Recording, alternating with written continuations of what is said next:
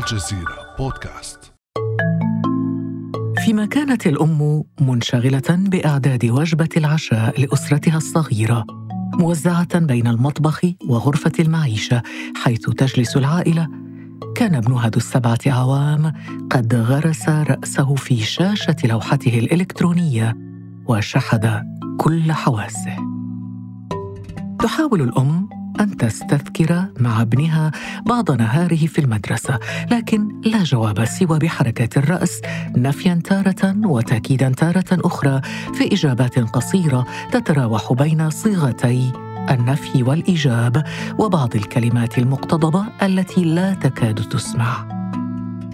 بجانبه يجلس أخوه ذو العشرة أعوام واضعا سماعة الأذن على رأسه يقفز تارة ويضحك تارة أخرى انسجاما مع لعبة إلكترونية يتشاركها مع أشخاص آخرين في دول أخرى لا يعرفهم إلا بأسمائهم المستعارة التي اختاروها للتعريف بأنفسهم.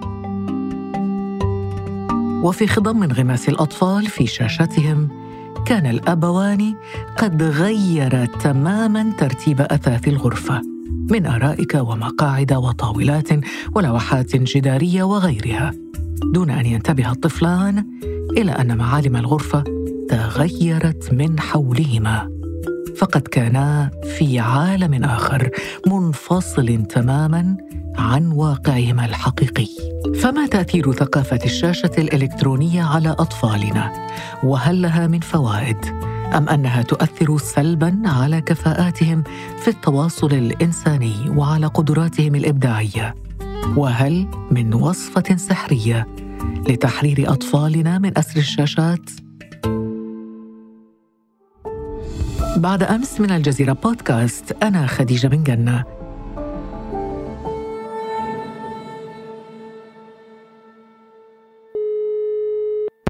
أسعد اليوم بانضمام الدكتور إبراهيم بوزيداني أستاذ علم النفس بجامعة إسطنبول. إلينا في هذه الحلقة. صباح الخير دكتور إبراهيم. صباح النور أستاذة خديجة وصباح النور لكل السادة المستمعين لهذه الحلقة. أه، دكتور إبراهيم دعنا في البداية نستمع إلى ما يقوله أحد المختصين هو الأمريكي جوناثان ديفيد هايدت المختص في علم النفس الاجتماعي. ماذا يقول عن إدمان الأطفال على الهواتف ومواقع التواصل الاجتماعي؟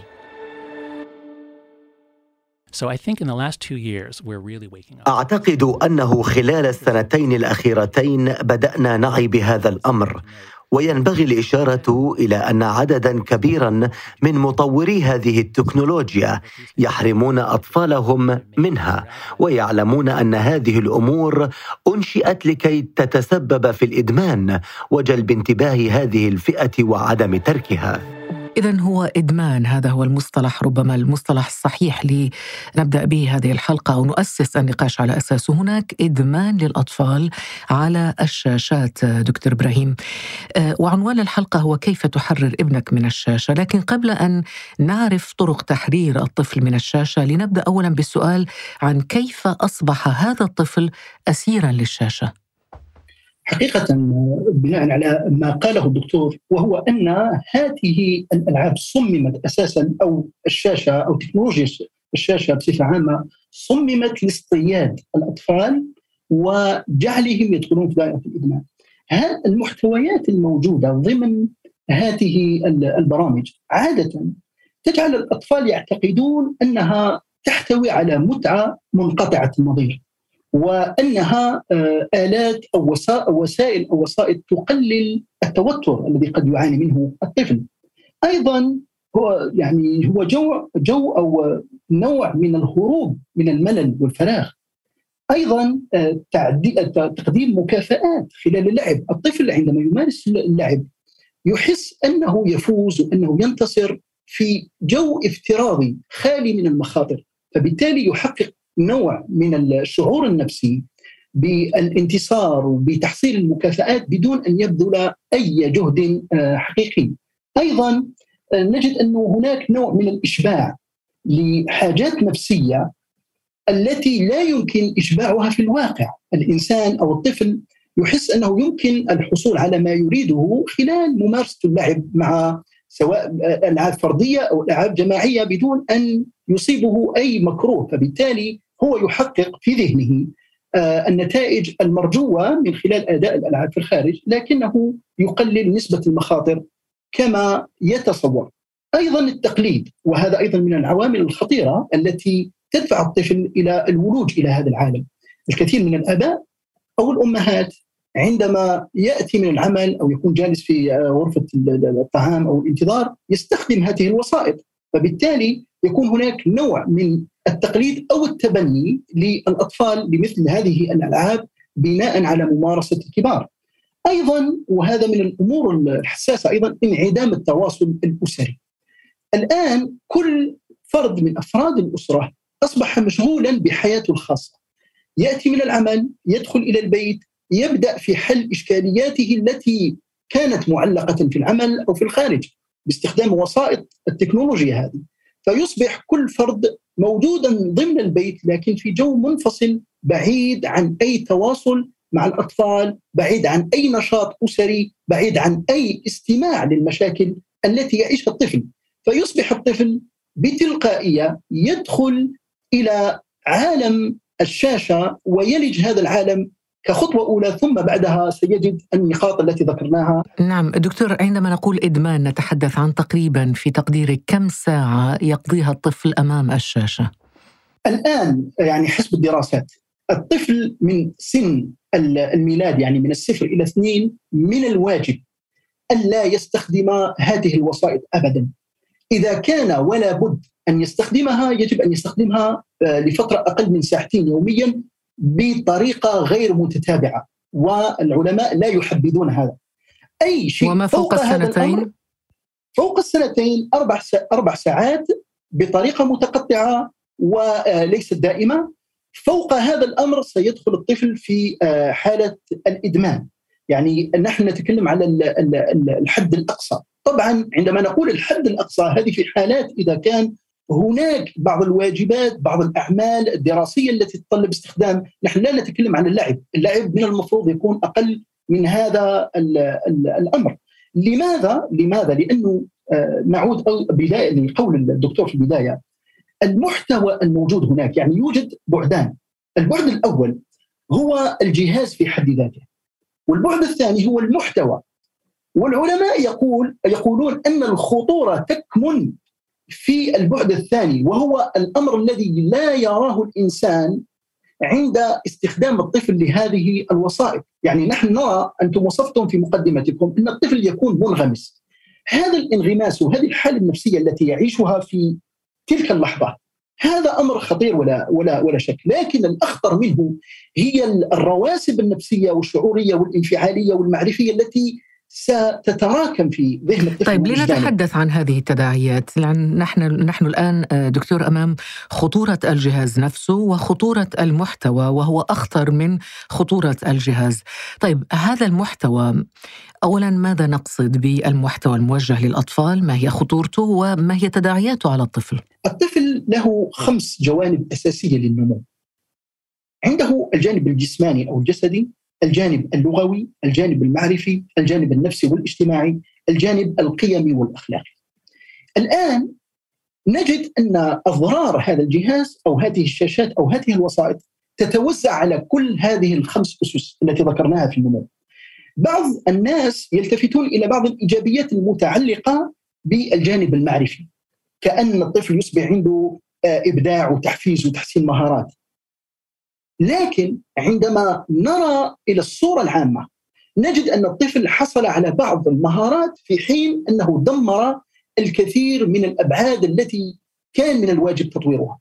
الجانب الجسماني نجد أن الطفل يمكث ساعات طويلة أمام الشاشة أو أمام الوسائط هذه فيفقد الحركة التي تعتبر من أهم ركائز النمو عندما نتكلم على نظريات النمو المتعددة من إريك إريكسون أو نتكلم على مونتيسوري أو شتاينر كل هذه النماذج التربوية تثبت بالأدلة أن الطفل في خلال تفاعل تفاعله مع المحيط الذي يعيش فيه سينمي ويرك يعني ينمي عقله ويجعله أكثر تفاعلا، فأنت الآن عطلت قسم من أقسام النمو الخمسة للطفل. الأمر الثاني اللغوي النمو اللغوي في الخمس سنوات الأولى يعتبر آه، نقطة أساسية لا يمكن الفرار منها، وأي تأخر على تطوير النمو اللغوي للطفل في هذه الخمس سنوات سيكون نقطة قاتلة للطفل في المستقبل. فأنت الآن إذا ولج الطفل لهذه الوسائط الإلكترونية متى سيستمع؟ متى سيتواصل؟ وإذا استمع وتواصل أي كلام سيصل إليه وأي لغة سيركبها وسيبنيها. ثم تأتي إلى المستوى طيب المعرفي. على المستوى نعم. اللغوي على المستوى اللغوي دكتور لأنه مهم كلامك مهم جدا التركيز على كل هذه الجوانب الجسدية والمعرفية والعلمية والقيمية الأخلاقية والنفسية والذهنية وغيرها لكن آه، لفتني في حديثك عن الجانب اللغوي أنه كنت أعتقد أنا شخصيا أنه الطفل يكتسب لغة آه، جديدة من خلال آه، يعني متابعته لبرنامج ما على هذه الشاشة. فاليس ذلك مكسبا بالنسبة للطفل؟ هذا إذا كان آه، المشاهدة مدروسة لأن الألفاظ التي تستخدم ضمن هذه البرامج إذا حسبناها في كل حلقة يعني تلفزيونية يشاهدها الطفل سيجد أن مردودها اللغوي سيكون عبارة عن عشر كلمات خمس كلمات تتكرر. وطبعا هل تتناسب هذه الكلمات مع ثقافة الشخص وتنميته الاجتماعية منها تخالفه فيكون إشكال. الأسلم والأحسن والأميز هو أن يتلقى الطفل لغته من خلال الاحتكاك المباشر مع حياته اليومية. وهذا الإشكال الآن الذي نعيشه الآن هو الاغتراب الثقافي، الطفل يصبح يتلفظ بكلمات أو يتكلم بكلام أو حتى لأنه اللغة مربوطة بالفكر فيصبح الطفل عنده منهجية حياة مبنية على المحتويات اللغوية التي ركبها تنافي أو تعارض أو تصطدم مع ثقافته الأصلية. آه، أستاذة خديجة يجب أن ندرك شيء مهم ونحن نتكلم آه، مع جمهورنا العربي المسلم الرصيد اللغوي الذي كان يحصل عليه الطفل في سن السادسة في سنوات أو آه، يعني أزمنة مضت كان لا يقل عن 6400 وكذا يعني كلمة أو مفردة. هذه المفردات كانت تأتي من الكتاتيب ومن الاحتكاك بالمعلمين التقليديين كما كان يعني يسمى. فهذا الرصيد اللغوي كان يجعل الطفل يكون عبارة عن قاموس يمشي. الطفل علميا يكتسب إلى نحو خمس ألاف كلمة في هذا السن. لكن المعاملة الاجتماعية الصحيحة والتوجيه الصحيح للطفل في تعلم اللغة سيجعل الطفل ينمو من ناحية الذكاء ومن ناحية الذكاء العاطفي والذكاء المنطقي. إذا استخدمنا الخمس سنوات الأولى بطريقة فعالة وبطريقة مركزة. إذا على ذكر طريقة فعالة ومركزة أنا أعرف الكثير من العائلات أبنائهم تعلموا وفي الغرب أيضا تعلموا من خلال برامج لقناة براعم مثلا وهي قناة موجهة للأطفال كانت تتبع الجزيرة للأطفال ثم قناة جيم وتعلموا اللغة العربية يعني الفصحى من خلال هذه البرامج لقناة براعم.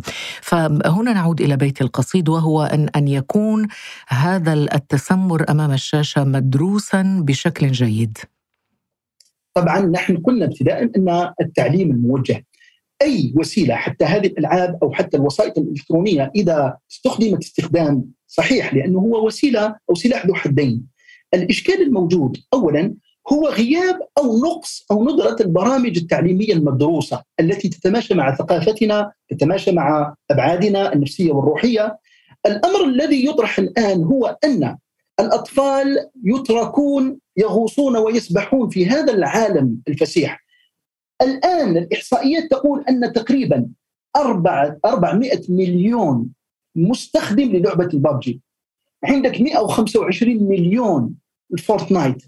الآن هذا الوقت وهذا الجهد وهذا التوجيه للأطفال لا يكون فيه لا لغة ولا أخلاق ولا تنمية اجتماعية، هو عبارة عن ضياع وقت وتدمير نفسية.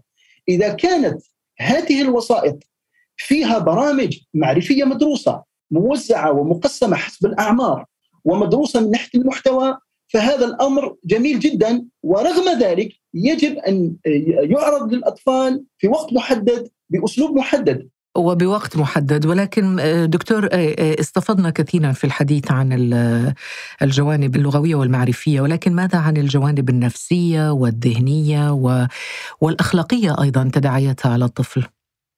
الآن ما هو مثبت من ناحية الدراسات الميدانية حول استخدام الأطفال لهذه الوسائط وجدوا أن الكثير من الأطفال أصبحوا يعانون بنوع من القلق والتوتر. الألعاب هذه ترفع نشاط الدماغ بالأخص للأطفال الصغار. يعني لأن الحركة فيها تتجاوز قدرة العقل عقل الطفل الصغير على التعامل مع الأحداث الموجودة فيه، فهذا جعلهم يتبنوا أو يكتسبوا بعض السلوكات النفسية أو الصفات النفسية مثل القلق والتوتر، أيضا الاكتئاب الذي أصبح ينتشر ضمن الأطفال. الربح والخسارة الغير متزنة ضمن هذه الألعاب تجعل الطفل يقيم نفسه من خلال هذه الطروحات في الإلكترونية، أيضا اضطرابات النوم، الكثير من الأطفال حتى من رأيناهم في العيادات يأتون إلينا، الطفل أصبح يقضي نصف الليل وهو يلعب ويذهب آه، متأخر لدراسته ويذهب آه، يعني في آه، مستوى متدني من النشاط. أيضا العنف العدوانية أيضا لأن الكثير من البرامج أو الكثير من الوسائط أو الألعاب التي تطرح فيها كم هائل من العدوانية. فأصبح هذا أيضا مشكلة يعاني منها الأطفال. أيضا التأخر الدراسي أصبح هناك نوع من البلادة الذهنية. يعني الأطفال عندما يدخلون ضمن هذه الألعاب أو هذه البرامج الغير مدروسة يصبح الطفل آه، يعني يتبنى نوع من الكسل الذهني. فقط يشاهد ويصبح كأنه روبوت يستوعب أو يتلقى فقط بدون أن يتفاعل. وهذا أثر على القدرة الإبداعية وقتل الفضول الذي يعتبر أهم ميزه للطفل. أيضا الكسل الفيزيائي قلة الحركة وقلة النشاط والطفل كان من المفروض أن يكون طاقة ويعني آه، آه، مفعم بالحركة والنشاط. أيضا ضعف مفهوم الأسرة وهذا الخطر الذي يهدد الاجيال المقبلة عندما ينمو الطفل في أسرة لا تتواصل ينمو الطفل ضمن محيط لا يتقاسم المشاكل لا يجتمعون على طاولة الطعام لا يسمع حلول المشاكل التي تطرأ على آه، مستوى الأسرة. فيصبح مفهوم الأسرة عند هذه الأجيال مفهوم مهلهل مفهوم قابل للتميع مستقبلا. فاذا هذه امور بعضها يكون آني ضمن حياة الطفل النفسية والاجتماعية وبعضها تهديد مستقبلي للمفاهيم الأساسية المؤسسة لحياة الطفل المستقبلية وأخيرا وهو أيضا من الأمور التي أصبحت الآن آه، ظاهرة هي قضية الانتحار. أيضا أصبحت الكثير من هذه الأمور ناتجة عن المشاهد وعن الألعاب التي آه، يعني تطرح الآن لعبة مثل آه، هذه لعبة التي الآن طرحت لعبة الأخطبوط هذه من الأمور الكارثية حتى يعني من كل الجوانب هناك آه، أيضا آه، مسألة لا تقل خطورة عما ذكرته دكتور وهي تصور الأطفال لأنفسهم واحيانا كرههم لأنفسهم لأنه وهذا بالمناسبة هناك مختصة موظفة سابقة في شركة فيسبوك اسمها فرانسيس هاوغن تحدثت عن دور تصفح المراهقات للمحتوى المرتبط باضطرابات التغذية على إنستغرام واصابه البنات أكثر فأكثر بالاكتئاب والتسبب أيضا في كرههن لأنفسهن ولأجسادهن واحيانا هذا يؤدي إلى الانتحار كما ذكرت. لنستمع اولا إلى هذه الموظفة في شركة فيسبوك فرانسيس هاوغن.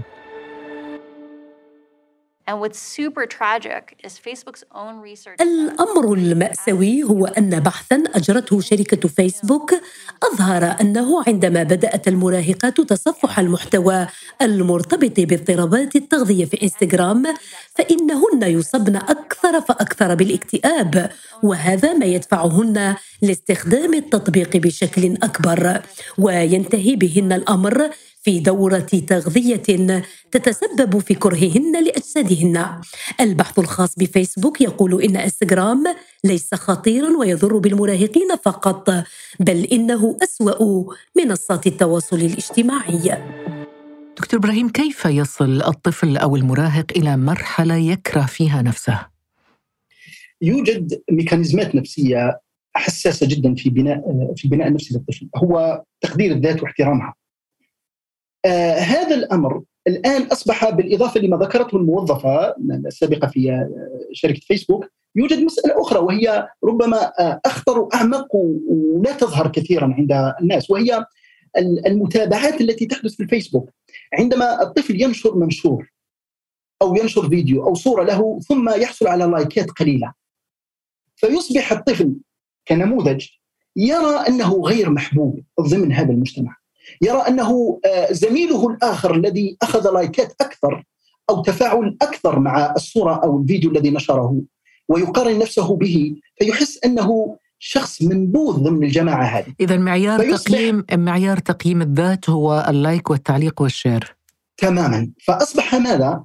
أصبح الطفل أو الشخص ينظر إليه هذا الإنسان العظيم الذي جاء لهذه الحياة بما يحتويه من كل أسرار أصبح يقيم من خلال صورة ينشرها. يعني أصبحت أنت أيها الإنسان تساوي تلك الصورة التي أنشرتها. فما يرون الجانب اللغوي ولا جانب الإبداعي ولا جانب النفسي ولا قوة شخصيته ولا أخلاقه. فأصبح الطفل لا يقدر الأخلاق التي يمتلكها سواء شجاعة أو أو كرم لأنها لا تظهر في الفيسبوك. لا يمكن أن تنشر قيمة لكن يمكن أن تنشر صورة لك وأنت تلبس اللباس المعين أو تشرب المشروب الفلاني أو العلاني. فتصبح ماذا؟ تقييمات الإنسان منصبة على جانب الجسدي والجانب الشكلي ويختفي المحتوى الحقيقي الذي هو الإبهار إذا عنصر الإبهار. تماما.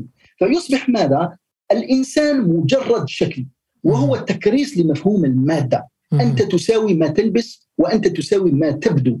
ولا يعتبر الجانب الروحاني والجانب الأخلاقي والقيمي الذي يعتبر هو أصل الإنسان، فبالتالي يصبح ماذا؟ نوع من التدني النفسي والنزول النفسي وظهر ما يسمى بالهشاشة النفسية، أصبح الإنسان بسهولة يتعرض إلى أزمة اكتئاب أو قلق أو توتر لأنه أصبح نفسيا منهار وقابل لأن يستوعب أي انتقاد واي طيب يعني كيف إذا ننقذ هذا الطفل دكتور إبراهيم؟ آه وهذا عنوان حلقتنا في الواقع كيف نحرر أبنائنا من الشاشة؟ وكلنا معنيين بهذا النقاش وبهذه المشكلة العويصة التي تعانيها كل العائلات تقريبا. آه دعنا في البداية دكتور إذا نستمع إلى الدكتورة لورا ساندرز المتخصصة في علم النفس ثم نبحث معا في سبل آه تحرير الطفل من أسر الشاشة. It's so important that we just had some idea and had tried to have some discussions with our kids about this, um, but it has a huge peer influence. دكتور إبراهيم هذه الدكتورة المتخصصة في علم النفس لورا ساندرز تتحدث عن ضرورة الحديث مع الأطفال لمواجهة الإدمان على الشاشات. هل يكفي هذا؟ آه بالنسبة لي آه قضية التعامل مع مشكلة تكنولوجيا الشاشة لها ثلاث أبعاد أو ثلاث مستويات أساسية، المستوى الأول هو على مستوى الإرادة السياسية. لأن الكثير من محتويات الشاشات والبرامج هذه يمكن للدولة أو المؤسسات المتعلقة يعني بهذا الأمر أن تعالجه وتجعل الأطفال يصلون إلى بعض المحتويات المفيدة ويبتعدون عن أي محتوى خارج الإطار النفسي والتربوي والأخلاقي. آه هذا من جانب، الجانب الثاني عندنا مؤسسات التنشئة الاجتماعية المتعددة وعلى رأسها المدرسة. الطفل عندما يذهب للمدرسة من المفروض أن تسحب منهم الهواتف أو تمنع الهواتف أساسا عنهم. لماذا؟ لكي يكون لهم القدرة على أن يعيشوا لحظات خلال فترة الدراسة بدون هذا الهاتف لكي يحس بأنه يمكن أن يعيش. لأنه بدأ يتركب في وجدان الشاب أو الطفل أنه من المستحيل أن ينفصل على هذا الجهاز. فبالتالي عندما تكون له فترة أو فرصة لكي يجلس ويفكر ويتكلم ويتناقش مع زملائه خلال فترة الدراسة هذا سيعطيه نوع من الثقة ويجعله أيضا ينمي بعض الجوانب الاجتماعية والعاطفية وغيرها والانفعالية. الآن المستوى الثالث المتعلق بالأسرة وهو الذي يمكن أن نخاطب به أيضا المستمعين وهو اولا مسألة القدوة. على الآباء أن يكونوا أول من يطبق التحفظ أو التعامل الحذر مع هذه الوسائط. لا تحاول أن تستخدم هذا الهاتف في أي وقت في أي مكان أو في أي يعني مكان في البيت، حاول أن تخصص مكان في البيت للاستخدامات المتعلقة بالهاتف يعني مثل التدخين لا تدخن تماما. في البيت يعني عليك أيها الأب أنك تذهب يعني دعنا نعمل قانون ضمن الأسرة. هذا صعب هذا صعب دكتور. خلينا نعترف دكتور إبراهيم أنه الأولياء هم أنفسهم معنيين بهذا النقاش.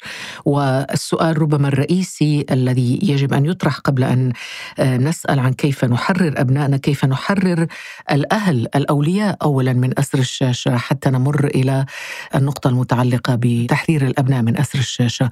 أصلا الأولياء هم أيضا يعني أسرى لهذه الشاشة؟ صحيح لهذا نحن قلنا في تناول الحلول أنه الأمر هو خارج عن إطار الطفل وحده وأن هذا الأمر عبارة عن قدوة وتعلم وتنشئة اجتماعية. لكن الأمر الذي يجب أن يدركه الأولياء هو أنهم هم أساس العملية ابتداء. الأب الذي يستخدم أو يفرط في استخدام هذه الوسائط هذا الأمر سينتقل ولا بد للطفل. الآن أيضا الهشاشة النفسية التي أصبح آه، أصبحت تميز إنسان العصر هو أن الإنسان غير قادر على أن يدير التواصل الاجتماعي هذا. الآن يجب أن نكون حازمين كما ذكرتم أستاذ يعني الإنسان يجب أن يكون صادق مع نفسه. يجب أن يعترف أنه دخل مرحلة الإدمان وهذا الأمر خطير عليه وعلى الأطفال. فبالتالي بقدر ما يكون هناك سيطرة من طرف الأولياء على استخدام هذه الوسائط أو على الأقل تقليل استخدامها أو استخدامها بعقلانية هذا الأمر سيكون له نسبة كبيرة من السيطرة على إدمان الأطفال. والآن عندما نتكلم مثلا على آه، يعني التعاون الأسري في التعامل مع هذه الأجهزة أن آه، كنا ذكرنا نقطة ربما استصعبتها استصعبتها أستاذة خديجة لكن هذا الأمر يعني موجود وهو أن الإنسان أو الأسرة تحدد مكان ضمن البيت وهذا يمكن تطبيقه إذا كان هناك نوع من التعاون الأسري. يعني الأب يعني يوجه الملاحظة للوالدة إذا استخدمت أو كذا. يعني هي عبارة عن نمط حياة كما تعود الناس الأكل في آه، أماكن محددة والنوم في أماكن محددة. يمكنه أيضا أن يرسم سياسة تحكم العمل بهذه الوسائط. الهشاشة النفسية أو ضعف الإنسان أمام آه، وسائط التواصل الاجتماعي أو غيرها من الأمور. هذا أمر متعلق بتنشئة اجتماعية. فلهذا بقدر ما ينمى هذا الصفة أو هذه الركيزة في الإنسان فبقدر ما يكون هناك بساطة أو على الأقل تقليل من خطورة هذه الأمور. الكثير من الأولياء من خلال تساهلهم آه، سواء مع أنفسهم أم مع أبنائهم جعلوا آه، الأطفال يدخلون في الإدمان. فبالنسبة لنا أنه آه، التحكم أو سيطرة أو رسم قوانين أسرية تدفع إلى تنظيم استخدام هذا الوسائط تعتبر من أهم الحلول. نعم. إذا هذه نصائح ثمينة جدا وإرشادات لتحرير أنفسنا أولا نحن الكبار وتحرير أبنائنا من أسر الشاشة. أشكرك جزيل الشكر دكتور إبراهيم بوزيداني المختص في علم النفس. شكرا جزيلا لكم كان هذا بعد أمس.